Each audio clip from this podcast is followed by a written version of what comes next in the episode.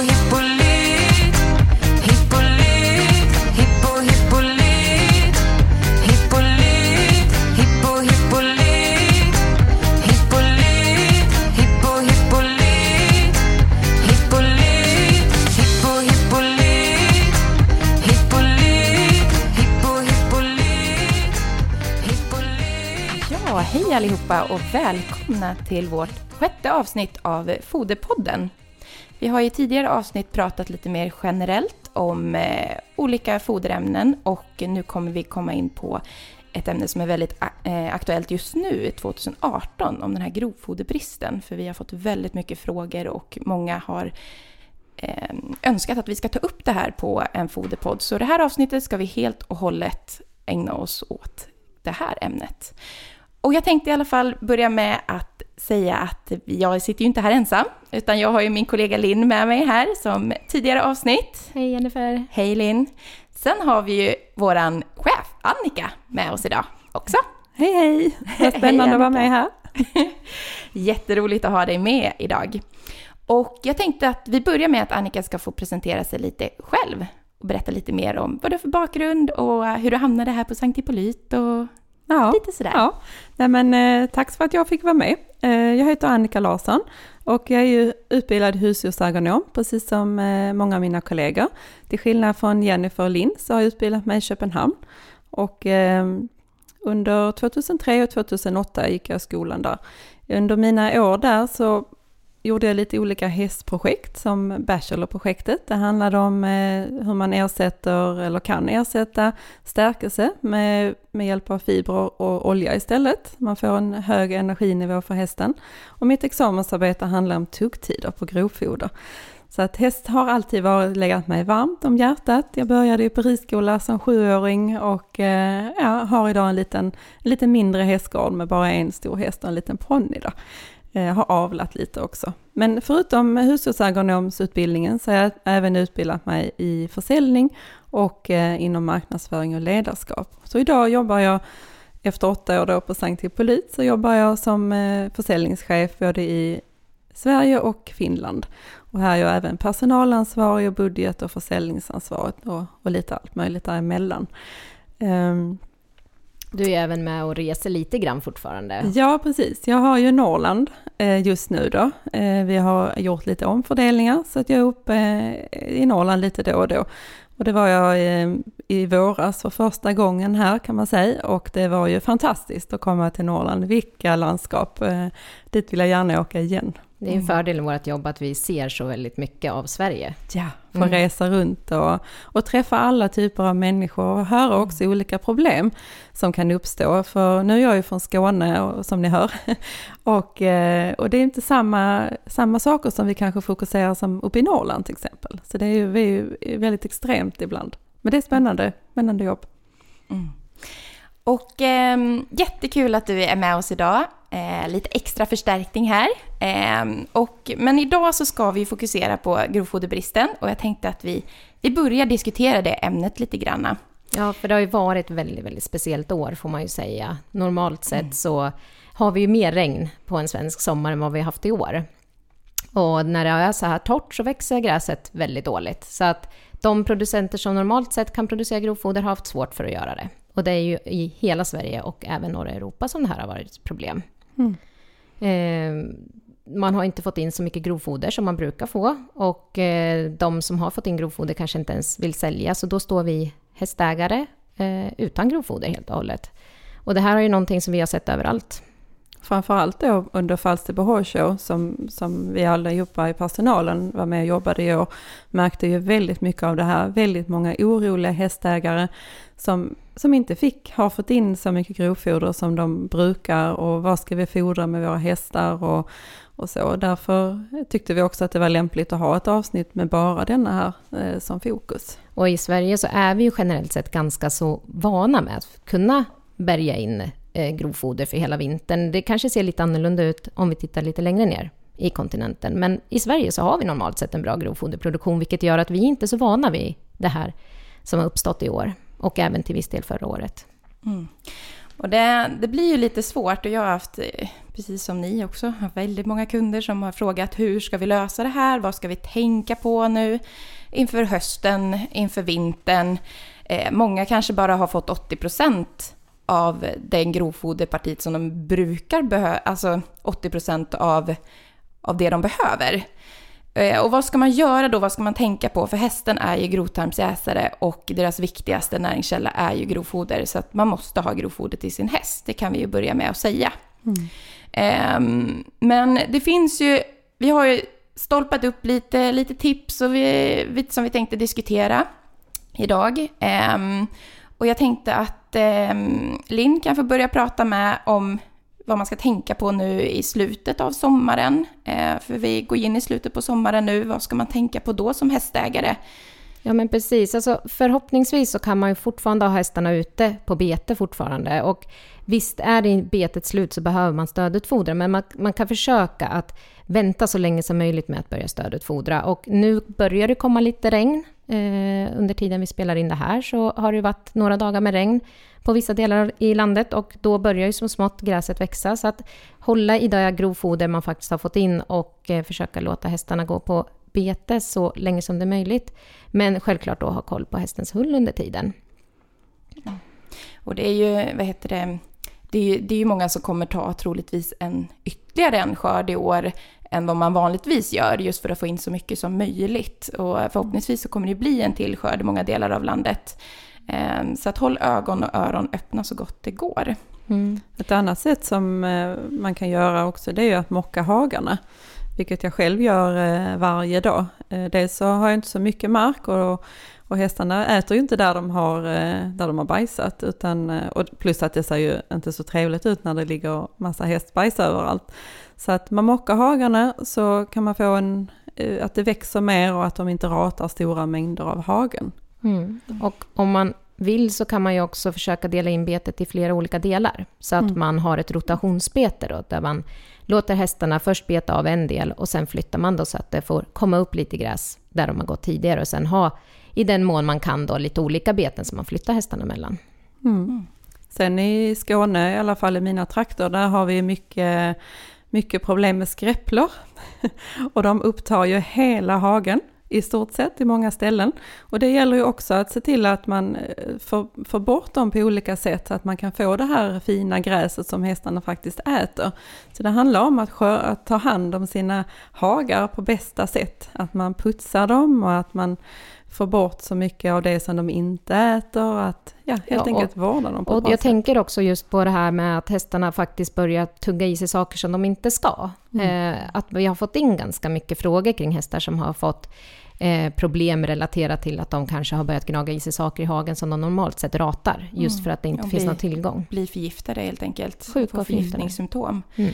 Um, så att det, är, det är jätteviktigt att man håller koll på sina hagar just av den aspekten också.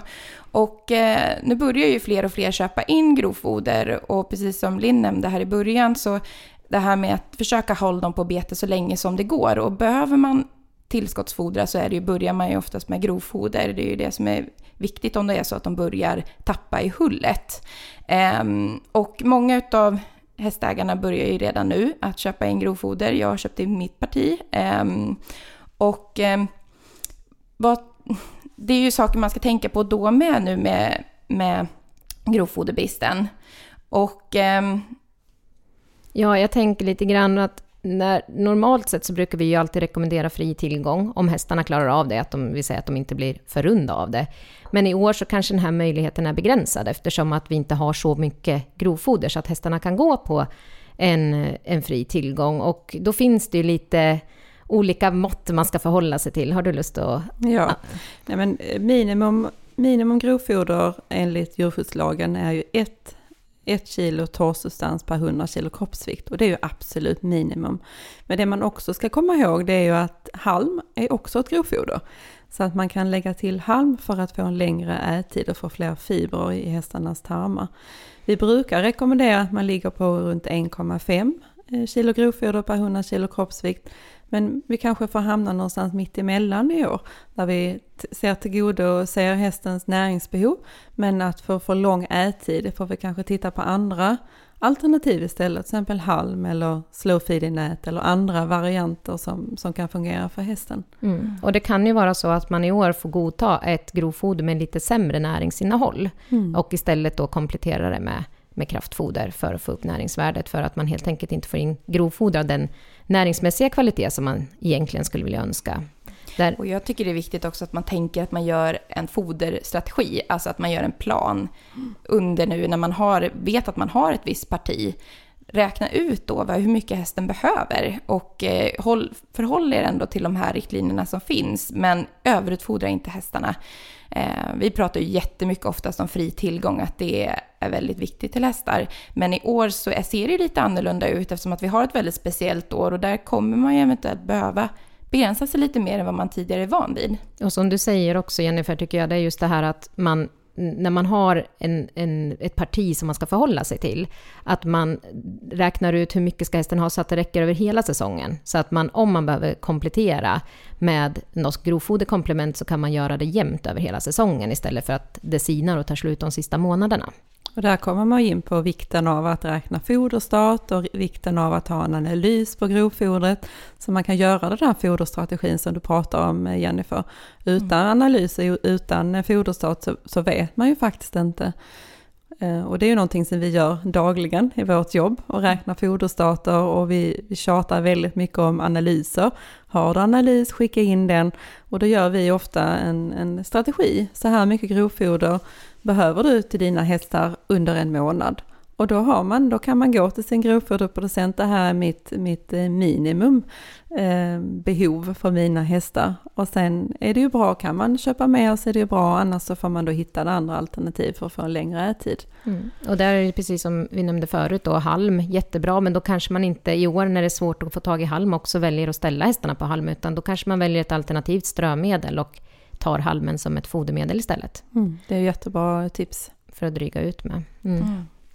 Precis, och sen så en annan sak som jag tycker att man ska tänka på i år är ju också den hygieniska kvaliteten, att den är lika viktig. Man kan ju behöva eh, välja eller godta ett parti som är kanske lite sämre näringsmässigt än vad man är, är van vid i år eftersom att det ser ut som det gör. Men någonting jag verkligen vill pusha på är att man inte ska godta ett dåligt hygienisk kvalitet på grovfodret. Um, Då riskerar man ju att få en- viktigt. Man får en sjuk häst om Mm. man fodrar med ett, ett dåligt hygieniskt grovfoder. Och symptomen kan ju vara att en, man får en häst som börjar hosta. Det brukar vara en av de mm, ganska vanliga eh, eh, symptomen. Mm. Men det kan också vara att, har vi råkat ut för tidigare med, med stallar där de har haft dåligt grovfoder, att, eh, att hästar får kolik. Och då när man har gjort en analys av den hygieniska kvaliteten på grovfoder så upptäckte man att det var inte okej. Eh, Så att det kan vara olika symptom på om den hygieniska kvaliteten är dålig eller inte fullt lika bra som den brukar. Så det ska man vara observa- observant på ju. Och sen så just det här med att många har ju eh, fått möjligheten att slå många andra delar eller vallar som man vanligtvis inte slår. Eh, och där är det ju också viktigt då att man tänker på det här med giftiga växter. Eh, att man inte har för mycket inblandning av vallsickeklöver och sånt i de delarna. För det kan ju också leda till problem. Men om vi säger att vi har fått in vårt grovfoderparti nu eh, och vad ska man tänka på då med lagringen och, och utfodringen eh, vidare då? Har ni några bra tips att ge till våra lyssnare nu? Nej, men precis som Annika sa förut, att man har en näringsanalys och eh, att man eh, räknar ut en foderstat och kompletterar med det som saknas. Eh, lagringen är precis som vanligt, att man ser till att lagra det här grovfodret på ett bra sätt så att det håller sin hygieniska kvalitet. Och jag vet ju att det finns många som har köpt fjolårshö och eh, hösilage från förra året, köpt in. Och det är ju inte sämre värden i det än vad det kan vara i årets. Utan det är ju, så länge det har lagrats på rätt sätt så är det ingen fara. Alltså hösilage, eh, bollar och eh, ensilagebollar, det ska ju inte komma in och luft i dem. Det är ju det allra viktigaste där. Eh, tittar man på hö så ska det ju inte bli fuktigt, utan det ska hållas torrt. Och sen tycker jag att vi ska poängtera att det faktiskt finns eh, grovfoderkomplement också som man faktiskt kan komplettera med. Det är inte bara rena kraftfodermedel som man behöver komplettera med utan det finns också olika typer av grovfoder, hack eller pellet som man kan komplettera med. Ja, det finns ju lite olika varianter där. Eh, precis som du nämner, att det finns ju grovfoderhack och det är ju, det är ju egentligen hackat strå som man eh, direkt efter skörd har hetluftstorkat och hackat till mindre strå helt enkelt. Så det är ju, det är ju grovfoder. Och sen finns det olika höpelletsar på marknaden. Vi har ju både från eh, vårt företag Sankt Hippolyt och, och från vårt andra företag, eller vår andra leverantör Agrobs, som har väldigt bra alternativ där. Um, och sen höpellets finns ju som man bör blötläggas innan man utfodrar, så det blir ju mer som en gröt. Men uh, den är ju, det är också grovfoder som eh, har liksom malts och pressats till pellets helt enkelt. Så det är, finns ju mycket olika på marknaden som man kan välja för att dryga ut sitt grovfoderparti. Mm. Ett annat sätt eh, för att säkra att man inte överfodrar, det är ju att väga sitt foder. Eh, för många upplever vi i alla fall att hästägare, man, man, man fodrar lite på känn. Och eh, man fodrar oftast mer än vad hästarna behöver. Vi har en hel del hästar i Sverige och även utomlands som är överviktiga. Så att där är det viktigt att man inte överfodrar det här året utan man tar vara på varenda litet strå. Eh, och inte att det blir något spill heller. För det, det är ju också viktigt att inte hästarna ja, står och ligger och, och eh, gör andra saker i det. Utan att man verkligen tar vara på allting.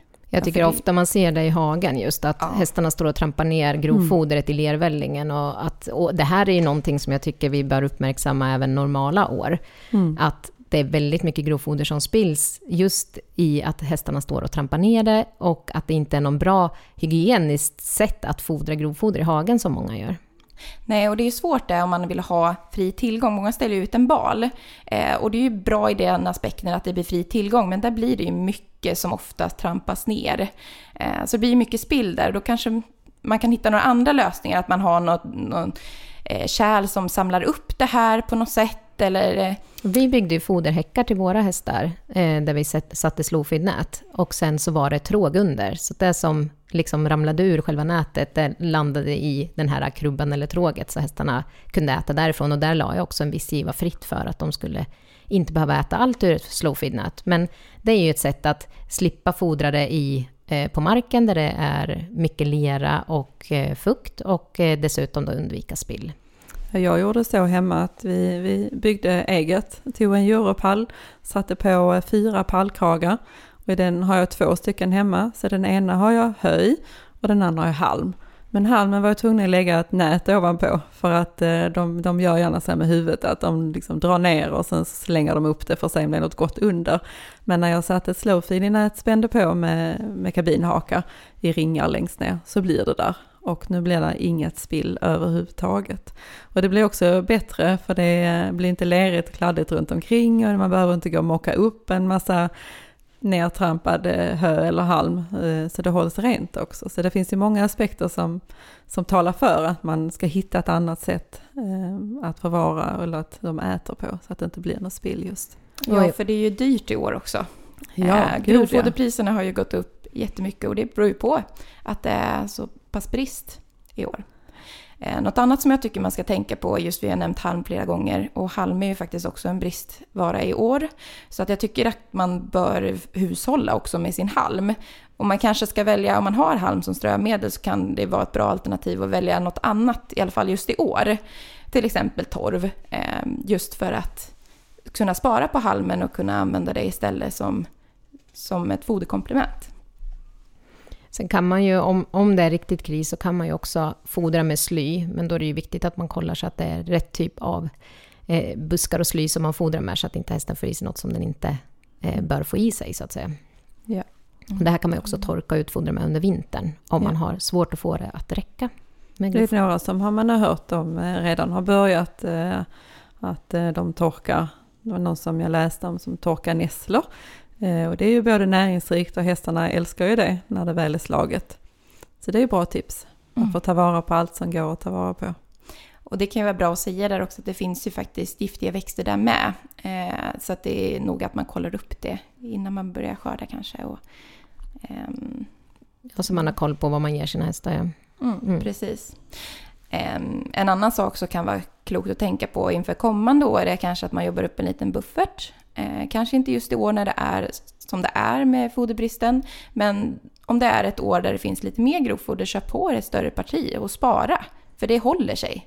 Mm. Ja. Och vi har ju inte behövt att tänka så här i Sverige tidigare, men med tanke på att det här kan ju faktiskt uppstå igen, och då kan det ju vara skönt att ha lite extra på lager om ett liknande år skulle uppstå. Ja, jag är glad i år att jag har halm kvar sedan förra året. Eh, Men, det, men det är ju ren naturen. Det var ju Mm. inte planerat så. Utan eh, det var för att jag hade färre hästar helt enkelt i, hemma i stallet. Och då blev det över. Men det kan ju vara bra att ha, som ni säger, lite extra hela tiden. Att man har så man klarar sig ett tag. Mm. Sen är det ju så att det, det är väldigt många som börjat importera grovfoder också från olika länder här i Europa, närliggande länder till oss. Ehm, och ehm, det är ju lite, det är lite man ska tänka på, eller vi har lite saker som vi tycker att, att man bör tänka på när man importerar ett hö. Mm. Alltså dels så är det ju faktiskt kvaliteten som vi inte får rucka på även om det är ett importerat grovfoder. Så att både näringsmässigt och hygieniskt, framförallt hygieniskt, så behöver det vara en god kvalitet på det. Och tyvärr så har vi varit i kontakt med många hästägare som har fått in grovfoder som inte har hållit riktigt den hygieniska kvaliteten som man skulle kunna önska. Det var ett hästägare som inte har fått det foder de har beställt, så att det är inte helt problemfritt. Eh, vi har också fått in ganska många analyser redan nu på eh, utländska analyser. Och eh, det är ju jättebra att det finns analys. Däremot så är det ju inte samma enheter som vi använder oss av här i Sverige. Så att för, har man svårt att läsa av en vanlig analys så blir det i alla fall inte lättare med en, en eh, utländsk analys. Nej, vissa har ju enheten foderenheter istället för eh, den enheten vi har, till exempel Megajoule där. Eh, och eh, sen är det ju så att de, de räknar ibland i smältbart energi. Vi i Sverige tittar på omsättningsbar energi. Så om du jämför också en svensk analys med en, en utländsk analys så är det viktigt att du tänker på det och att du eh, räknar om de här värdena helt enkelt. Och ofta så är det också råproteinet i procent råprotein och inte i gram smältbart råprotein som det finns. Så där skiljer det sig lite grann eh, från utländska. Och det- en annan sak kan ju vara bra om man ska köpa från någonstans eh, utlandet eller någon annanstans i Sverige, att man har, kollar referenser. Att man eh, försöker kontakta någon som, eller be att få referenser helt enkelt. Så att man inte köper då grisen i säcken. För det är ju risken när man köper honom som man inte känner, att man, man då får då möglig halm som vi hörde eh, någon som hade fått då Mm. och betala väldigt dyrt. Ja, jag har fått båda analyser som har varit riktigt, riktigt bra grovfoder. Eh, och jag har fått eh, analyser utomlands ifrån som jag inte ens förstår att det kan vara så låga näringsvärden i. Ja, Så så att ett bra sätt är ju att man, att man kollar analys innan kanske också och, och ber någon som kan titta på det. Vi har ju den, den tjänsten kostnadsfri, så hör av er gärna till oss om ni vill ha hjälp att tolka en analys, se, se vad den innehåller. För det, det är inte kul att välja ett sämre, ett sämre näringsvärde som du får tala, betala mer för kanske, än om du hade ett annat. Som, Ja, och det gäller ju både svenska och utländska analyser. Att har ni en analys som ni tycker är svår att tolka, hör av er till oss så hjälper vi till att tolka de här analyserna. En annan sak som vi har hört om det är ju att eh, alla, alla grovfoderproducenter här hemma i Sverige tar inte emot gödseln när man har köpt eh, foder utomlands. Så det är också en viktig aspekt eh, för man måste ju ta hand om den också när det kommer ut. Att kolla först med vanliga grovfoderproducenter eh, om de tar emot gödseln. Eller där ni brukar lämna helt enkelt. Ja, för det är ju lite så också att med att man importerar grovfoder från andra länder så kommer det ju också annan flora, alltså andra ogräs som vi kanske inte är vana vid att ha i Sverige. Och sådana saker medför ju det också. Men självklart ska vi importera om vi behöver grovfoder. Mm. Absolut. Ja, jag tror att vi har fått med det mesta som vi ville prata om eh, i det här avsnittet om grovfoderbristen. Ja, och är det så att det är frågor så kan man ju alltid höra av sig till oss. Annika, kör du våra kontaktuppgifter? Jajamensan. Eh, vi har ju våra egna kontaktuppgifter men info.hippolyt.se info hippolyt.se är ju en e-mail som besvaras varje dag även om det är semestertider och så. Och sen har vi telefonnummer 0413 486 100 som man kan ringa och där är det väldigt sällan man hamnar faktiskt på telefonsvararen för där kopplas det över om någon är på möte eller är ledig och så vidare. Så där är nästan alltid någon som svarar. Och där kan man ta input på det här programmet eller på några övriga program. Vi kommer ställa jättegärna frågor eller kontakta oss om ni vill ha rådgivning.